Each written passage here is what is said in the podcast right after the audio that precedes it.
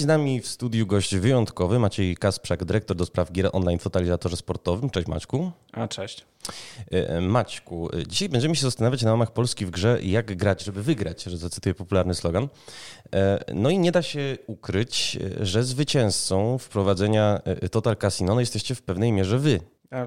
No, tak, jesteśmy, jesteśmy, jesteśmy na pewno zwycięzcą i dużo korzystamy na tym, że mamy możliwość e, oferowania jako jedyni e, kasyna e, online w Polsce.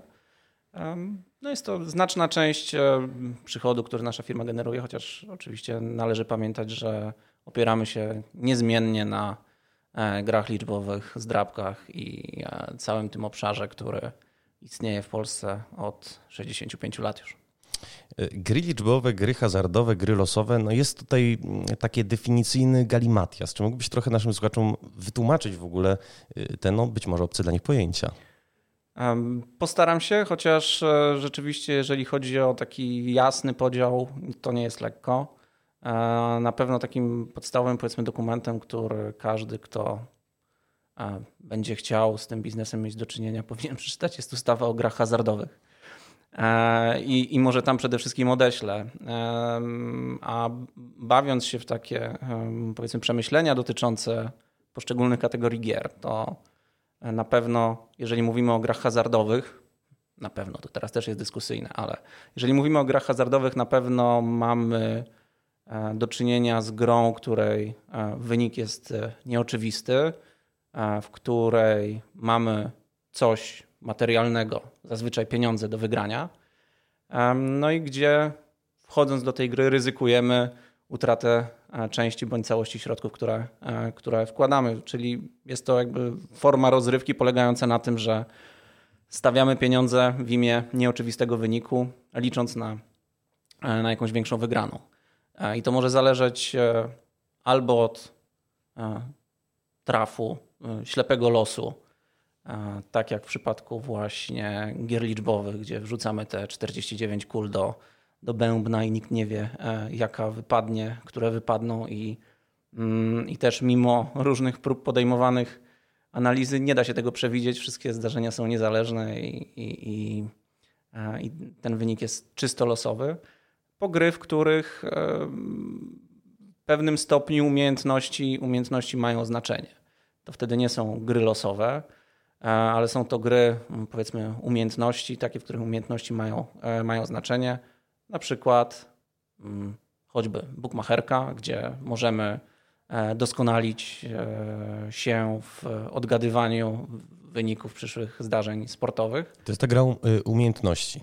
No to jest ta gra, której umiejętności na pewno e, grają większą rolę, chociaż wynik też jest niezależny od gracza. Tak? To znaczy nie, nie możemy traktować tego jako e, pracę sensu stricto, tylko jest to wciąż wynik niezależny od grającego. No mamy też takie gry, w których mm, umiejętności potrafią odgrywać rolę. Jeżeli mówiliśmy na przykład o kasynie naszym, to choćby gry karciane takie jak Baccarat, e, przepraszam, bardziej może Blackjack, e, tam no, pewnego rodzaju umiejętności czy znajomość e, matematyki albo choćby prostych tabel może przyczynić się do tego, że wyniki będą, e, wyniki będą lepsze, a jeżeli jeszcze umiemy, nie wiem, liczyć karty, e, to, to te wyniki będą jeszcze lepsze. E, na pewno też taką grą, w której ta losowość z umiejętnościami się spotyka jest, jest poker E, I, e, no i w tych grach mamy pewną możliwość doskonalenia się, o ile w grach czysto losowych e, nie ma się co specjalnie doskonalić. Można swoje zachowania jakby doskonalić i na przykład, nie wiem, wiedzieć, że na przykład nie zawsze warto dążyć do tego, żeby się odegrać. A to w przypadku gier, w których umiejętności mają znaczenie, no, możemy być lepsi i lepsi. A powiedz mi, które z tych gier się cieszą większym powodzeniem? To znaczy, ja nie jestem klientem, e, no właśnie, chociażby Total Casino i zastanawiam mnie, czy ludzie wchodzą, żeby e, no tak się trochę zrelaksować poznawczo, czy wręcz przeciwnie, mają po prostu zestaw e, taktyk, dobrze tutaj są przygotowani matematycznie i podchodzą systemowo do tego, chcąc wygrać. A, różnie. To znaczy, jeżeli chodzi o przygotowanie matematyczne, to w ogóle bym nie przeceniał pewnie tego akurat typu graczy, jeżeli chodzi o, o, o popularność gier. A my wywodzimy się z gier bardzo popularnych, takich casualowych, czyli tak jak mówiliśmy wcześniej, Lotto, e, zdrabki tam. To są gry masowe, to są produkty masowe. W przypadku kasyna również ze względu na mm, złożoność tych gier, ale i pewnego rodzaju wizerunek, który z nimi jest związany.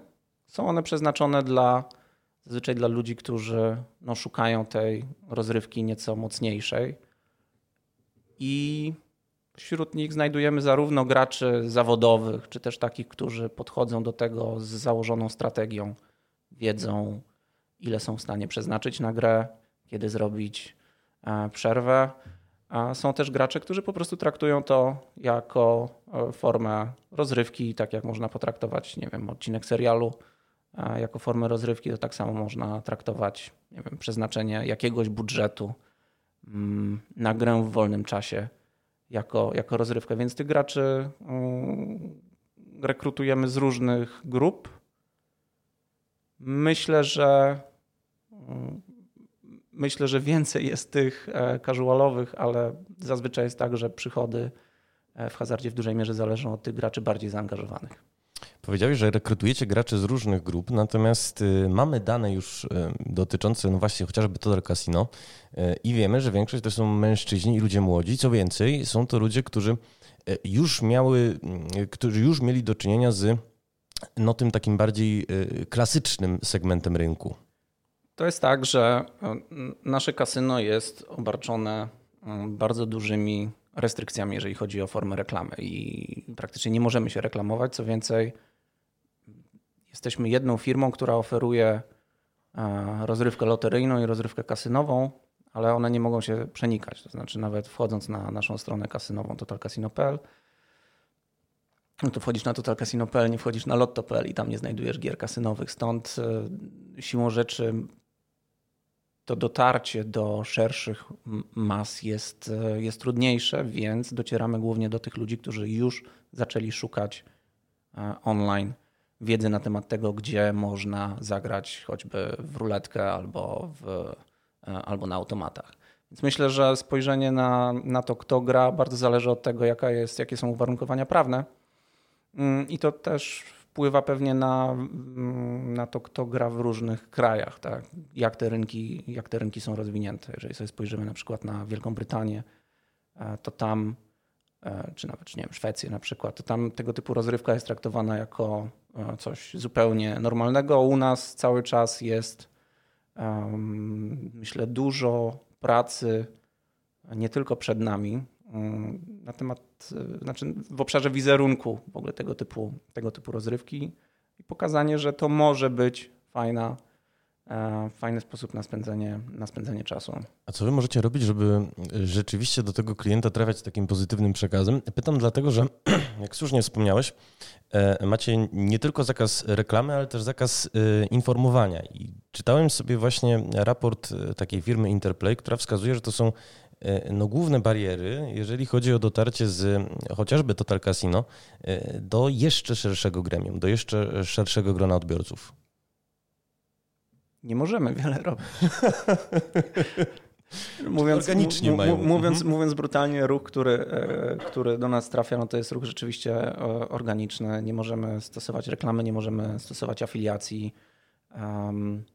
no co powoduje, że, że ktoś musi wyjść z chęcią e, zagrania i wtedy na nas trafi. Nie mamy tego elementu, który wydaje się w sprzedaży czy w ogóle w promocji jest, mm, jest kluczowy, czyli nie budujemy e, chęci zagrania u nas. Nie jest to łatwa sytuacja, jest to powiedziałbym dosyć niestandardowe podejście, no ale też rozumiem z racji tego, że e, co myślę jest w miarę oczywiste, Um, ogólnie taka gra nie jest czymś obojętnym i jak rozumiem, ustawodawca tutaj wyszedł z założenia, że należy e, dostarczyć dobry produkt osobom, które go szukają. Niekoniecznie należy poszukiwać e, szerokich mas i sprowadzać ich do tego produktu. Nowelizując w 2017 roku ustawę o grach hazardowych, e, tenże ustawodawca stwierdził, że totalizator ma wyłączne prawo do, e, do prowadzenia kasyna właśnie online'owego, e, no i zakazał chociażby rozgrywek online'owych pokerowych. Zastanawia mnie bardzo, bo wspomniałeś o tym, że w Wielkiej Brytanii jest troszkę inaczej są postrzegane gry, gry hazardowe, gry losowe. Czy rzeczywiście jest standardem europejskim, że państwo ma w tych sferach monopol? Jest standardem europejskim to, że państwo ma wpływ na kształt rynku podejścia są bardzo różne. E, Skandynawowie na przykład, e, Finlandia, Norwegia, które bardzo odpowiedzialnie podchodzą do e, tematu związanego z mm, zachowaniem graczy czy ludzi w kontekście gier hazardowych. Na przykład zakładają konieczność identyfikowania się podczas gry nawet w punkcie sprzedaży, tak, poprzez kartę gracza tak żeby można było patrzeć, czy gracz zachowuje się odpowiedzialnie, czy nie, nie wydaje zbyt wiele. Nie ma możliwości praktycznie gry anonimowej. E, zdecydowały się na, e, na monopol, tak? czyli gracz, który e, chce zagrać, dostaje szeroką ofertę produktów, ale jednocześnie ma to jedno miejsce i dzięki temu powiedzmy ma możliwość kontrolowania swoich, swoich wydatków nie ma też e, jakiejś szczególnej walki na rynku między poszczególnymi e, uczestnikami rynku, choćby walki na, e, na bonusy, czyli próby przyciągnięcia graczy poprzez dawanie im, upraszczając, darmowych zakładów. Tak? Czyli przyjdź dzisiaj do nas, dostaniesz darmowe. Jeżeli mamy takich podmiotów na rynku wiele, no to klasycznym zachowaniem jest skakanie między poszczególnymi podmiotami w imię właśnie pozyskania, e, pozyskania tych bonusów. E, są oczywiście też kraje, w których rzeczywiście mamy licencje i w których, e, w których tych graczy na rynku, na rynku jest więcej.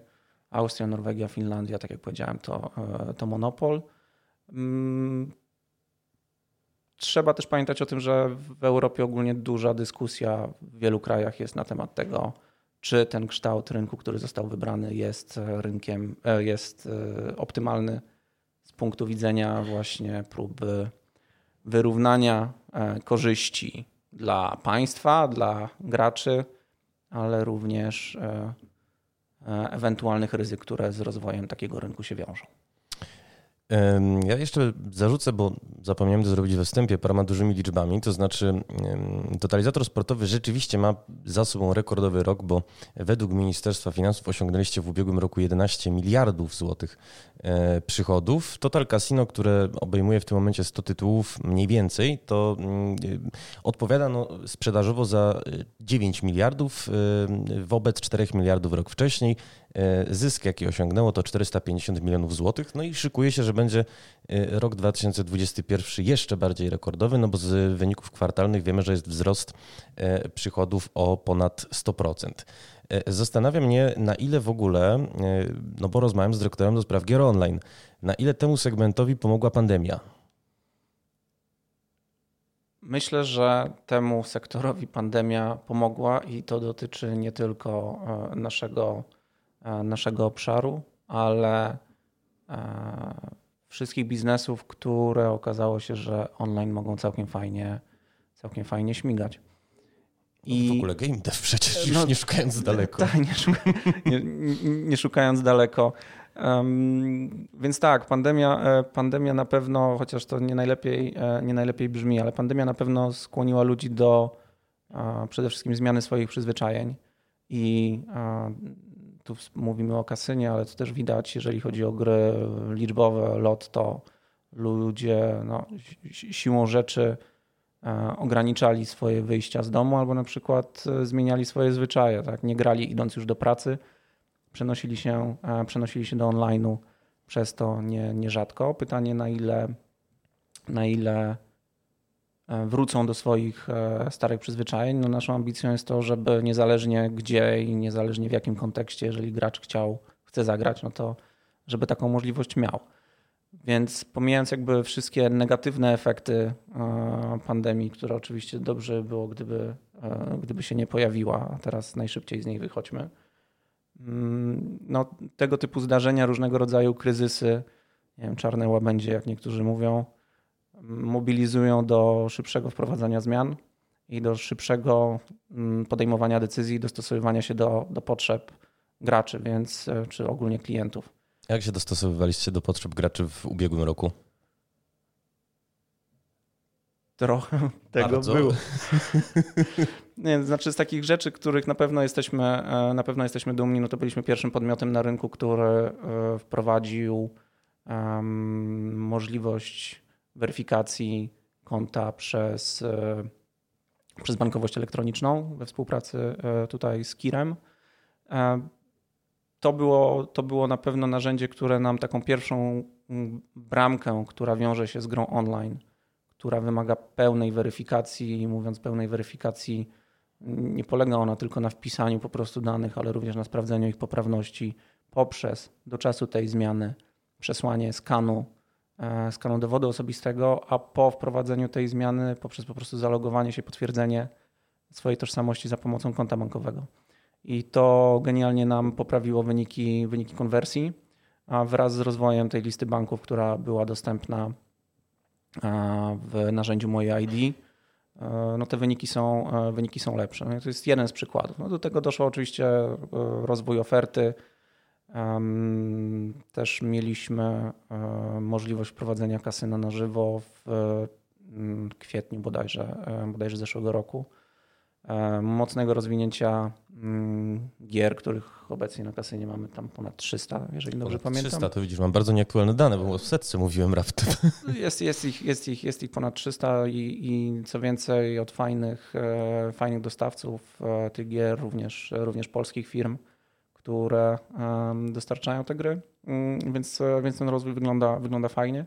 Ale najważniejsze, najważniejsze myślę dla nas było właśnie ułatwienie, e, ułatwienie no, onboardingu, powiedzmy wejścia i zarejestrowania się. A powiedz mi, co to jest to kasyno na żywo? To znaczy jest jakiś krupier rzeczywiście, który się, nie wiem, nagrywa na kamerze internetowej i który obsługuje graczy przy stole? Kasyno na żywo, tak, to jest e, realnie postawiony w studiu.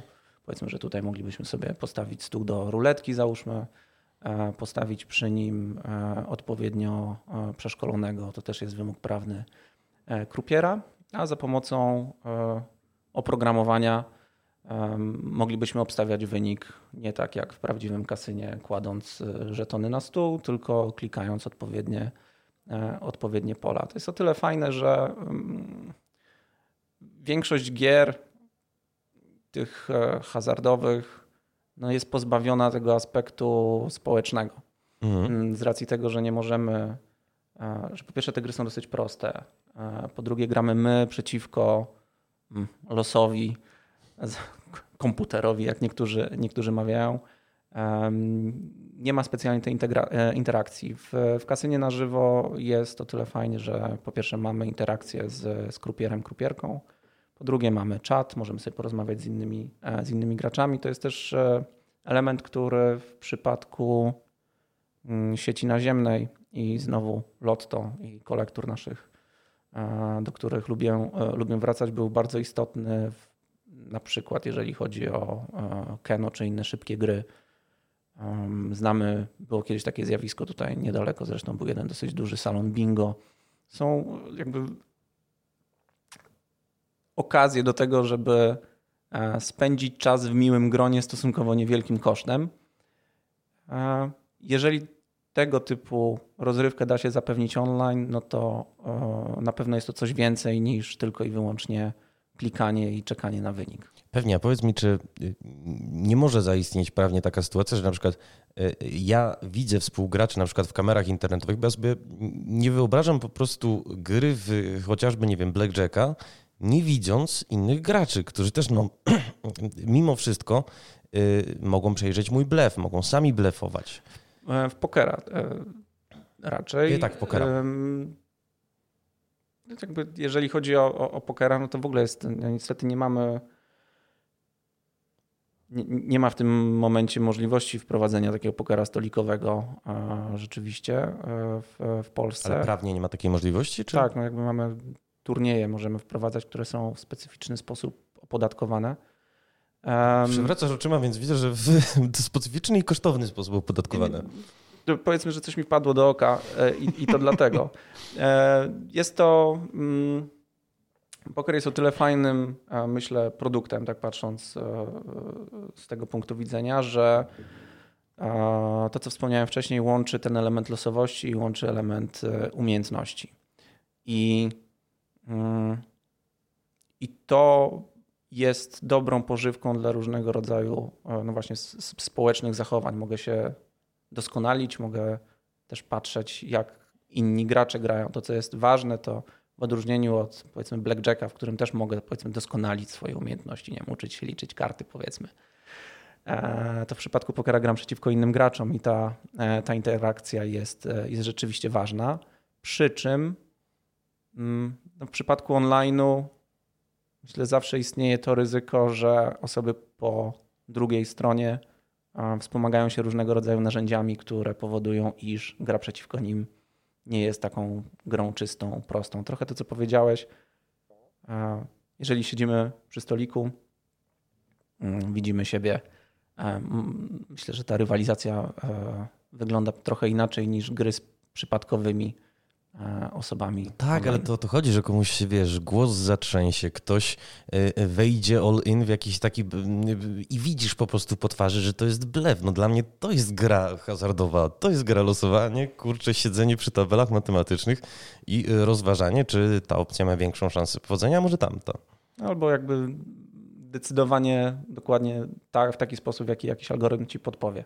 Na, na pewno tak jest. Myślę, że e, myślę, że no to jest pewien e, zgryz, jeżeli chodzi o rozrywkę tego typu, e, tego typu online, że mm, no nie do końca wiemy, kto z nami gra. Co nie zmienia faktu, że jest to na pewno jakiś obszar, który, e, którym warto by, mm, który warto by rozwijać.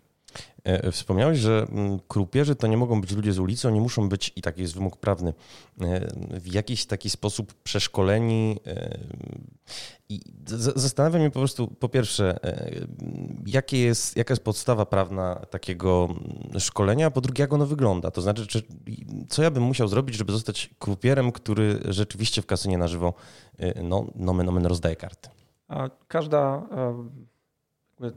podstawy, no to ustawa, e, rozporządzenia, e, które określają, że rzeczywiście nie może się tym zająć człowiek, e, człowiek z ulicy. Mamy model szkoleń wewnętrzny, firmowy, który szkoli ludzi z zasad. Jednocześnie do tego to, co jest istotne, to to, to że do, potrzebne jest też przeszkolenie osoby z obsługi generalnie stołu. Jeżeli chcemy dostarczać tę rozrywkę 24 godziny na dobę, musimy mieć po drugiej stronie ludzi, którzy mm, owszem, po pierwsze wiedzą, jakby co urządzają, na czym polega ta gra, e, jakie są e, ogólnie zasady, e, zgodność z polskim prawem, ale też są biegłe w tym, co robią i gracze nie mają poczucia, że mm, no, że krupier się myli na przykład, tak? Albo nie wygląda to tak, jakby, miało, jakby wyglądało w kasynie e, stacjonarnym, które oczywiście też o to doświadczenie klienta bardzo dba. Czyli e, podsumowując trochę, mamy taki ciasno zapięty gorset norm prawnych. Macie status monopolisty, jeżeli chodzi o online'owe kasyno. E, rosnące przychody i rosnącą sprzedaż, ponad 300 tytułów. Zastanawiam się zatem, e, co z szarą strefą, bo wcześniej, jak czytałem sobie taki raport e, H2GC, no przed 2018, przed wprowadzeniem Total Casino, no to Szara strefa, jeżeli chodzi o e, gry hazardowe w internecie, no to było 100% nawet. Natomiast bardzo szybko ona spadła nawet o 60%, bo już w kolejnym roku od wprowadzenia w 2018 Total Casino. Zastanawiam mnie, e, gdzie się zawiera to 40% i co robicie, żeby jeszcze zmniejszyć w ogóle ten udział procentowy? Powiem tak. Mm, naszym zadaniem jest e, zaoferowanie najlepszego produktu, jaki, jaki jest możliwy zgodnie z ramami oczywiście prawnymi. To, jak duża jest szara strefa, jest wypadkową kilku elementów. Z jednej strony temu, czy w ogóle jest możliwe legalne granie. Powiedziałeś, kiedyś nie było możliwe, no to szara strefa stanowiła 100%. Z drugiej strony to, czy jest możliwe istnienie na rynku na równych zasadach z podmiotami, które tymi regulacjami się nie przejmują. Jeżeli mm, spojrzymy sobie na naszego Google'a i będziemy szukać tam kasyn online, to znajdziemy tam bardzo dużo reklamujących się podmiotów nielegalnych. I teraz naszą rolą nie jest, nie mamy narzędzi ani prawa robić tego, ograniczać możliwości reklamy przez podmioty, które nie działają w zgodności z polskim prawem. Ale to kto to ma robić? Zakładam, że organy, które są powołane do tego, żeby regulować polski rynek i kontrolować to, jak on wygląda. E, my skupiamy się na tej części, za którą jesteśmy odpowiedzialni. Realizujemy, realizujemy monopol w obszarze właśnie gier na automatach, choćby e, w Polsce i cóż, oferujemy, myślę, fajne gry. Mamy całkiem ciekawe promocje dla klientów. E, pozostajemy w relacjach z klientami, którzy, e, którzy tego sobie życzą i rozwijamy ten produkt. No, jeżeli chodzi o, o poziom szarej strefy, rzeczywiście udało się go bardzo mocno zredukować. E, tutaj mówisz o tam 50-60%. Przy czym znając trendy i widząc, jak rośniemy, a myślę, że moglibyśmy rosnąć dużo, dużo bardziej. Gdyby gdybyśmy, nie reklamy gdybyśmy mieli możliwość, tak, e, no to, e, to, to, jakby to, to, to, do czego jesteśmy powołani, e, powołani robimy, a kwestie właśnie związane z tym, czy na przykład, nie wiem, afiliacja kasyn, które nie powinny działać na polskim rynku, E, istnieje, czy nie istnieje, czy jest możliwość gry z Polski, czy jest możliwość przelewów, wprowadzenia z Polski, no to to już nie jest mm, nasza kompetencja. I to jakby kwestie związane z szarą strefą dotyczą no nie tylko nas, ale również choćby rynku bukmacherskiego, gdzie również widać istniejące podmioty w szarej strefie. Odnośnie do podmiotów jak najbardziej legalnych. No, nazwa naszego portalu to nie przypadek. E, zajmujemy się polskim game devem. Wspomniałeś, że wśród tych dostawców no ponad 300 tytułów, które macie na ten moment w ofercie, e, są również firmy z Polski. Zastanawiam mnie, jak wiele studiów, które rzeczywiście się specjalizują w grach e, hazardowych, w grach losowych polskiej proweniencji i czy rzeczywiście mamy już na tym segmencie jakichś takich czempionów, jakichś takich no, rozdających karty nomen omen? Na pewno jeżeli chodzi o e, studia, to w Polsce, e, w Polsce tych studiów, czy choćby e, mm, ludzi pracujących i projektujących gry dla zagranicznych podmiotów było dużo. My w Polsce, przepraszam, my u nas w kasynie mamy gry dwóch podmiotów, które są ściśle polskimi, czyli Wazdana i Promatika. Mhm. E, I to są gracze, którzy są, e, są na rynku coraz, e, coraz mocniejsi i którzy oferują rzeczywiście content, content wysokiej jakości. Były też firmy, mm, które otwierały studia deweloperskie w Polsce, które działały na rzecz podmiotów jakby zarejestrowanych za granicą, co też jest oczywiście mm, też jest oczywiście super. Wydaje mi się, że jako kraj mamy bardzo dużo do zaoferowania, jeżeli chodzi o jakość osób, które, e, no, które są w stanie wyprodukować choćby, choćby gry. Przy czym no, rynek jest dość dynamiczny tak? I, I, zmienia się. Niektóre podmioty tracą swój, e, swoje momentum, i, i, a niektóre nowe się pojawiają. Myślę, że jeżeli pojedziemy, jeżeli minie pandemia i pojedziemy na jakieś targi, E, to dużo Polaków tam, e, tam spotkamy. I, no i będą oni reprezentować najlepsze studia. E, a powiedz mi, świecie.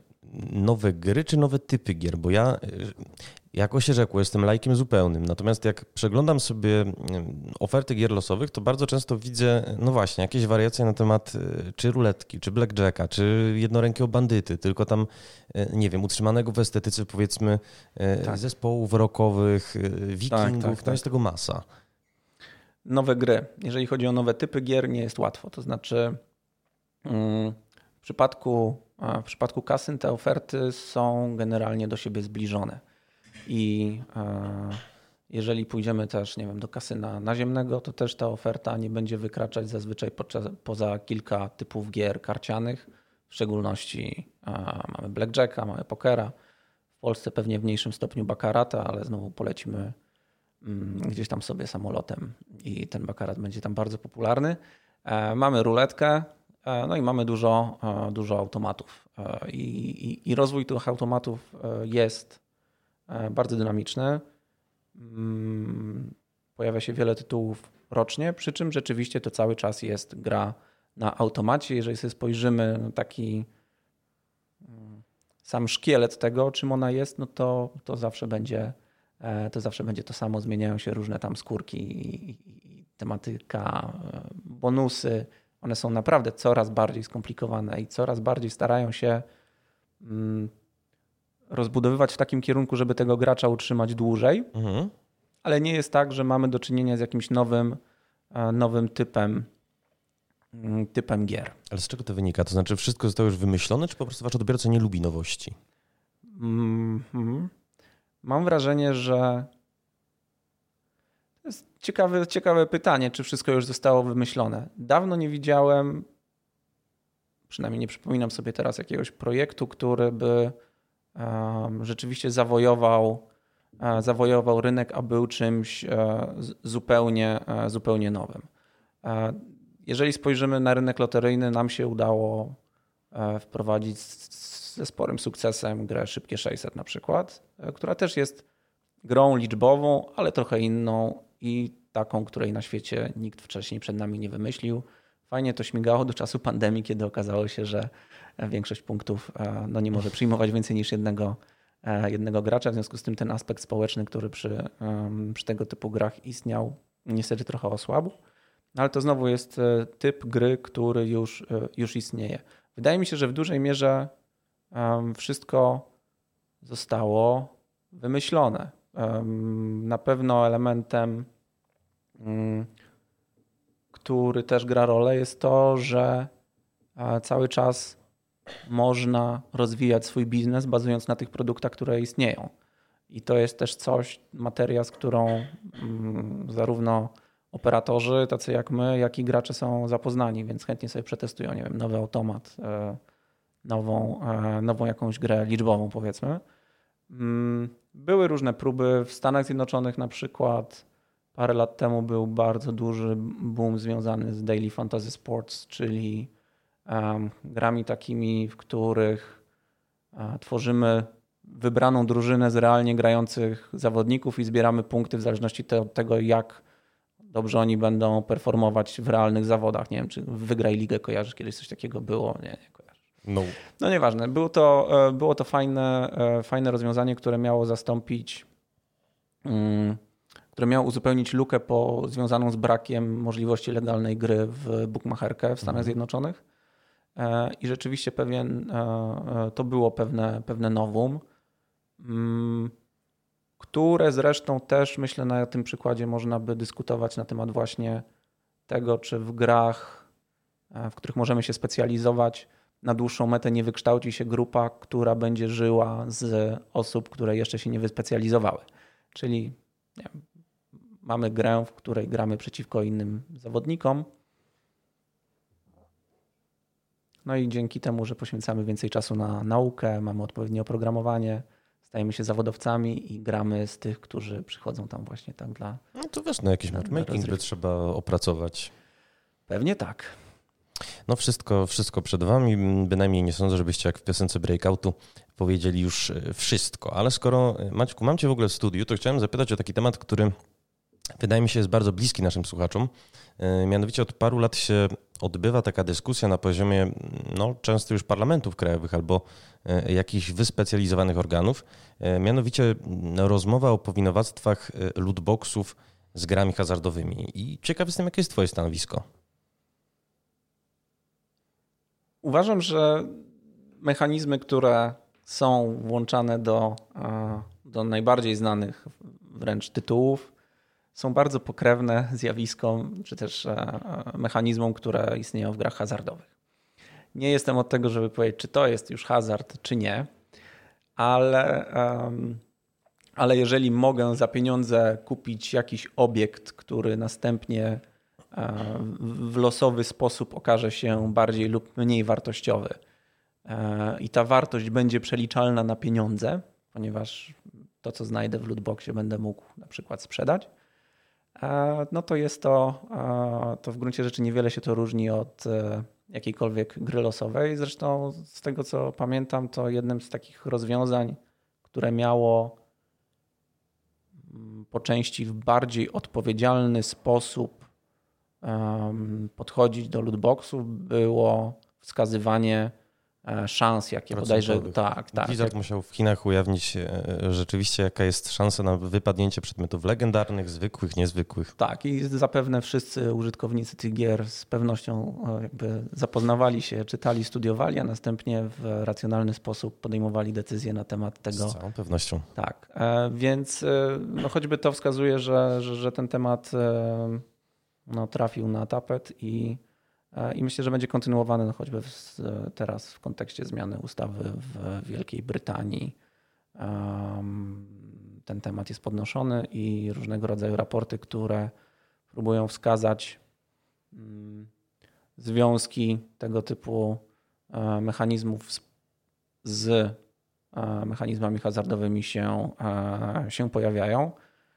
Generalnie znowu wszystko się opiera, znowu nie chcę mówić, że wszystko już było, ale wszystko opiera się na tym, że na tym mechanizmie, że jeżeli gratyfikacja mm, czy pozytywny bodziec pojawia się losowo, no to jest to dużo bardziej angażujące człowieka niż e, jeżeli e, nagroda pojawi się za każdym razem po wykonaniu jakiejś określonej akcji. No ta niepewność, która jest związana z grami mm, hazardowymi, e, no jest, e, jest siłą napędową dla dalszych zachowań i, i, i dalszego zaangażowania, zaangażowania w grę.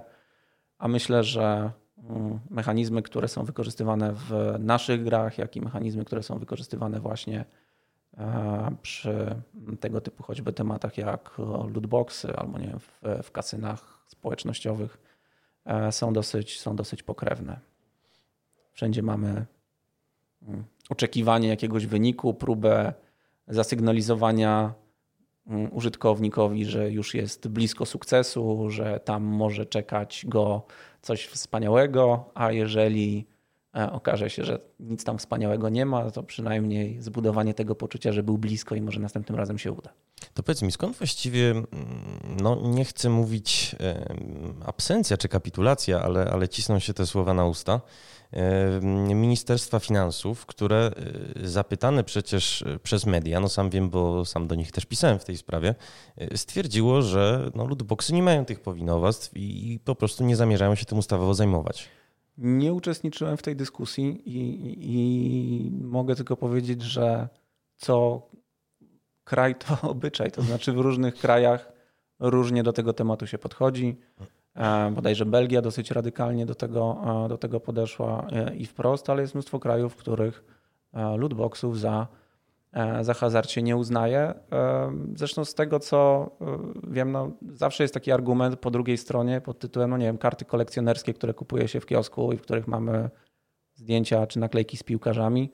Jeżeli uznamy lootboxy za hazard, no to też powinny być uznane za hazard. A co z jajkiem z niespodzianką? Słowa kinder niespodzianki, właśnie o tym chciałem I, mówić. I, tak. tak, no właśnie. No, jeżeli mamy kinder niespodziankę, to czy, e, czy to też jest hazard, e, czy nie? Myślę, że ogromna rewolucja się dokonała w związku z tym, że pewnego rodzaju produkty i kategorie zostały przeniesione do online, gdzie okazało się, że wszystko może dziać się szybciej, bardziej atrakcyjnie, bliżej i praktycznie w każdym, w każdym momencie.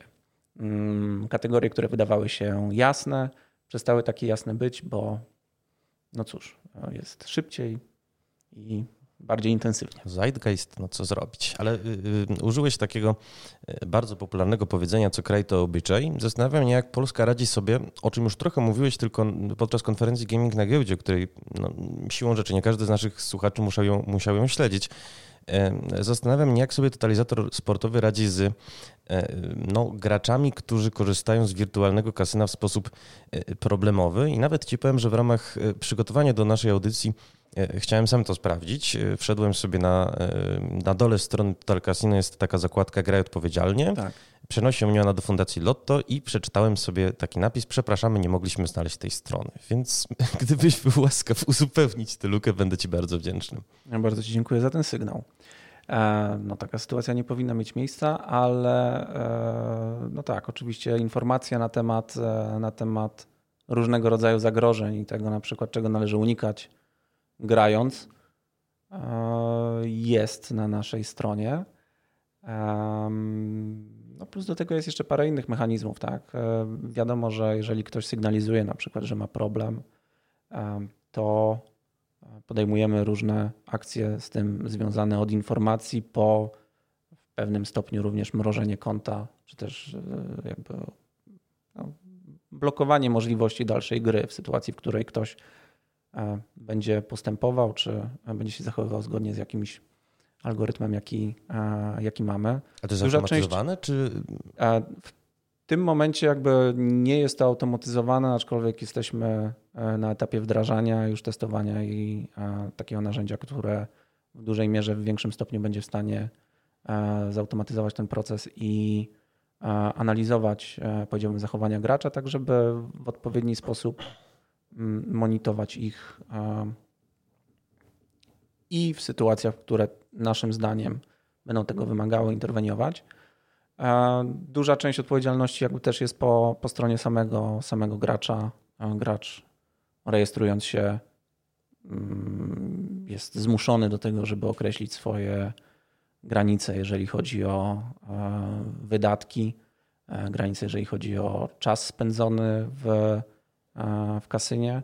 Ale formularz jakiś wypełnia, w którym rzeczywiście musi to sobie wpisać? Wy, wypełnia formularz i my do tego podeszliśmy rzeczywiście dosyć um, wprost. To znaczy nie ukrywamy tego i nie, nie e, rzeczywiście każdy, jest to jakby krok, którego nie da się pominąć. O, każdy gracz musi wpisać sobie tak naprawdę jak długo będzie, nie wiem, miesięcznie na przykład, czy dziennie, nie dłużej niż spędzał czas e, u nas e, na portalu. No do tego jeszcze dochodzą możliwości choćby zablokowania się, wyłączenia się z gry na określony czas, tam od 24 godzin po nawet parę miesięcy, co myślę jest po pierwsze znowu łatwo dostępne, ale po drugie dosyć zdrowe. Mm, jeżeli ktoś uznaje, że za dużo czasu rzeczywiście spędza na, na rozrywce hazardowej, no to powinien mieć prawo mm, nawet w momencie takiego impulsu podjąć decyzję o, o, o wyłączeniu się. No i to też jest, też jak rozmawiamy jakby z ludźmi z innych krajów, jest to jakiś argument za, e, jeżeli nie jednym podmiotem, to powiedzmy centralną bazą, która byłaby w stanie e, to zachowanie graczy regulować w ramach wszystkich podmiotów działających na rynku. No bo w innej sytuacji jeżeli ja uznam, że załóżmy, że uznaję, że przez najbliższy tydzień nie chcę, nie chcę grać, no to jeżeli mamy wiele, wiele podmiotów, to zawsze mogę sobie pójść do innego, drugiego, trzeciego, czwartego, piątego. Kapitalizm. No. To, to jak ja najbardziej rozumiem. Myślę, że prędzej czy później dojdzie do tego, że podobnie właśnie jak w Skandynawii. Te karty gracza wprowadzą. Jakaś, kwest, jakaś forma E, centralnego rejestru, który będzie pozwolił, pozwalał choćby wyłączać się e, z rozrywki hazardowej wszędzie, mm, powstanie. Tak? No bo w gruncie rzeczy chodzi o to, żeby nie tyle blokować dostęp pana Kowalskiego do jednego podmiotu, mhm. tylko chodzi o to, żeby pan Kowalski, który uznał, że czas na przerwę, rzeczywiście tę przerwę mógł się, znaczy rzeczywiście mógł w tej przerwie trwać tyle, ile sobie założył, nie będąc E, zachęcanym do e, korzystania z innych podmiotów. Maciej, na sam koniec chciałem zadać e, pytanie, które jest właściwie takie, bym powiedział, esencjonalne. To znaczy, nie da się ukryć, że w ostatnich latach totalizator się coraz mocniej angażuje w ogóle w szeroko pojętą kulturę cyfrową, czego dowodem jest nie tylko nasza audycja, nie tylko fakt, że no właśnie, byłeś też ekspertem podczas gamingu na giełdzie, no ale jesteście akuszerami i dżemu Zostań w domu rób gry ubiegłorocznego. E, i pojawił się Twój wykład na portalu Indie Booster. E, podczas Game Industry Conference byliście współorganizatorami e, sektora gier nauka, edukacja plus przemysł. Był jeszcze po drodze konkurs na mobilną grę losową. No generalnie widzisz, nie, już nawet nie nadążam po prostu z przedsięwzięciami, w jakie się angażujecie. Skąd właściwie ten pęd ku, no właśnie, kulturze cyfrowej? Z jednej strony to jest na pewno moment, w którym nasza firma mogła wejść do tego świata cyfrowego i na pewno z jednej strony to jest e, promocja. w ogóle pokazanie tego, że my się cyfryzujemy.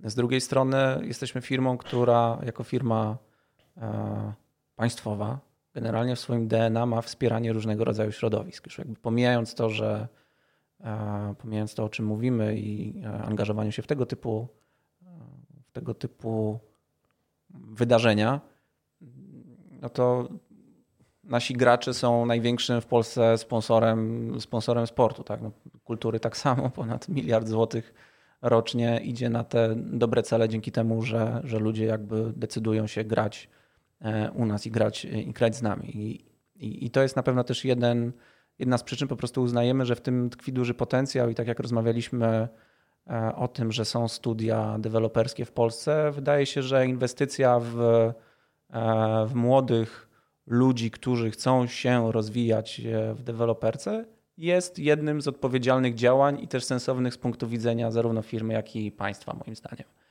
No a wreszcie jest tak, że kontakt e, z osobami, które e, właśnie mają nowe pomysły, e, chcą się zmierzyć z tą materią choćby gier losowych, dużo nam daje mm, w kontekście poznawania tego, co się na rynku dzieje i trochę poszerzania naszych horyzontów. I, i, no, choćby uczestnicząc w e, różnego rodzaju wydarzeniach, no, miałem ja, jak i moi koledzy i koleżanki okazję podyskutować sobie na temat potencjału różnych rozwiązań, czy na temat różnych możliwych scenariuszy. Um, I to były dyskusje dużo bardziej otwierające często niż dyskusje wewnątrzbranżowe, gdzie często wychodzi się jednak z takiego założenia, które sam Mm, zaprezentowałem, czyli wszystko już wymyślono. To jest tak, że, że na pewno wszystkiego jeszcze nie wymyślono i nawet jeżeli nie ma możliwości stworzenia jakiejś kompletnie nowej gry, to istnieje możliwość znalezienia jakichś mechanizmów, które na przykład można włączyć czy do gry, czy do funkcjonowania portalu, czy do sposobu jakby interakcji, interakcji z ludźmi. Mm, na pewno chciałbym mieć większą możliwość realizowania tych wszystkich pomysłów, chociaż nie zawsze nie zawsze jest czas, e, e, czas na to, ale głęboko liczę na to, że mm, zresztą inaczej, głęboko liczę na to, że, że to będzie się w większym stopniu e, rozwijać i w większym stopniu będziemy w stanie realizować te pomysły. Mm, ale tak jak mówię, no jest to dla nas forma też, też nauki i w jakimś stopniu jesteśmy w stanie też to przenieść na, na rzeczywistość włączając różne właśnie mechanizmy, choćby do nowych gier. Piękna kropka na koniec. Życzę w takim razie sobie i, i, nam wszystkim, żebyśmy się wzajemnie ubogacali, e, otwierali, e, no i czerpali od siebie e, wzajemnie. Gościem dzisiejszego odcinka Polski w Grze, przypomnę, był Maciej Kasprzak, dyrektor do spraw gier online w Totalizatorze Sportowym. Dziękuję Maćku. Dziękuję bardzo.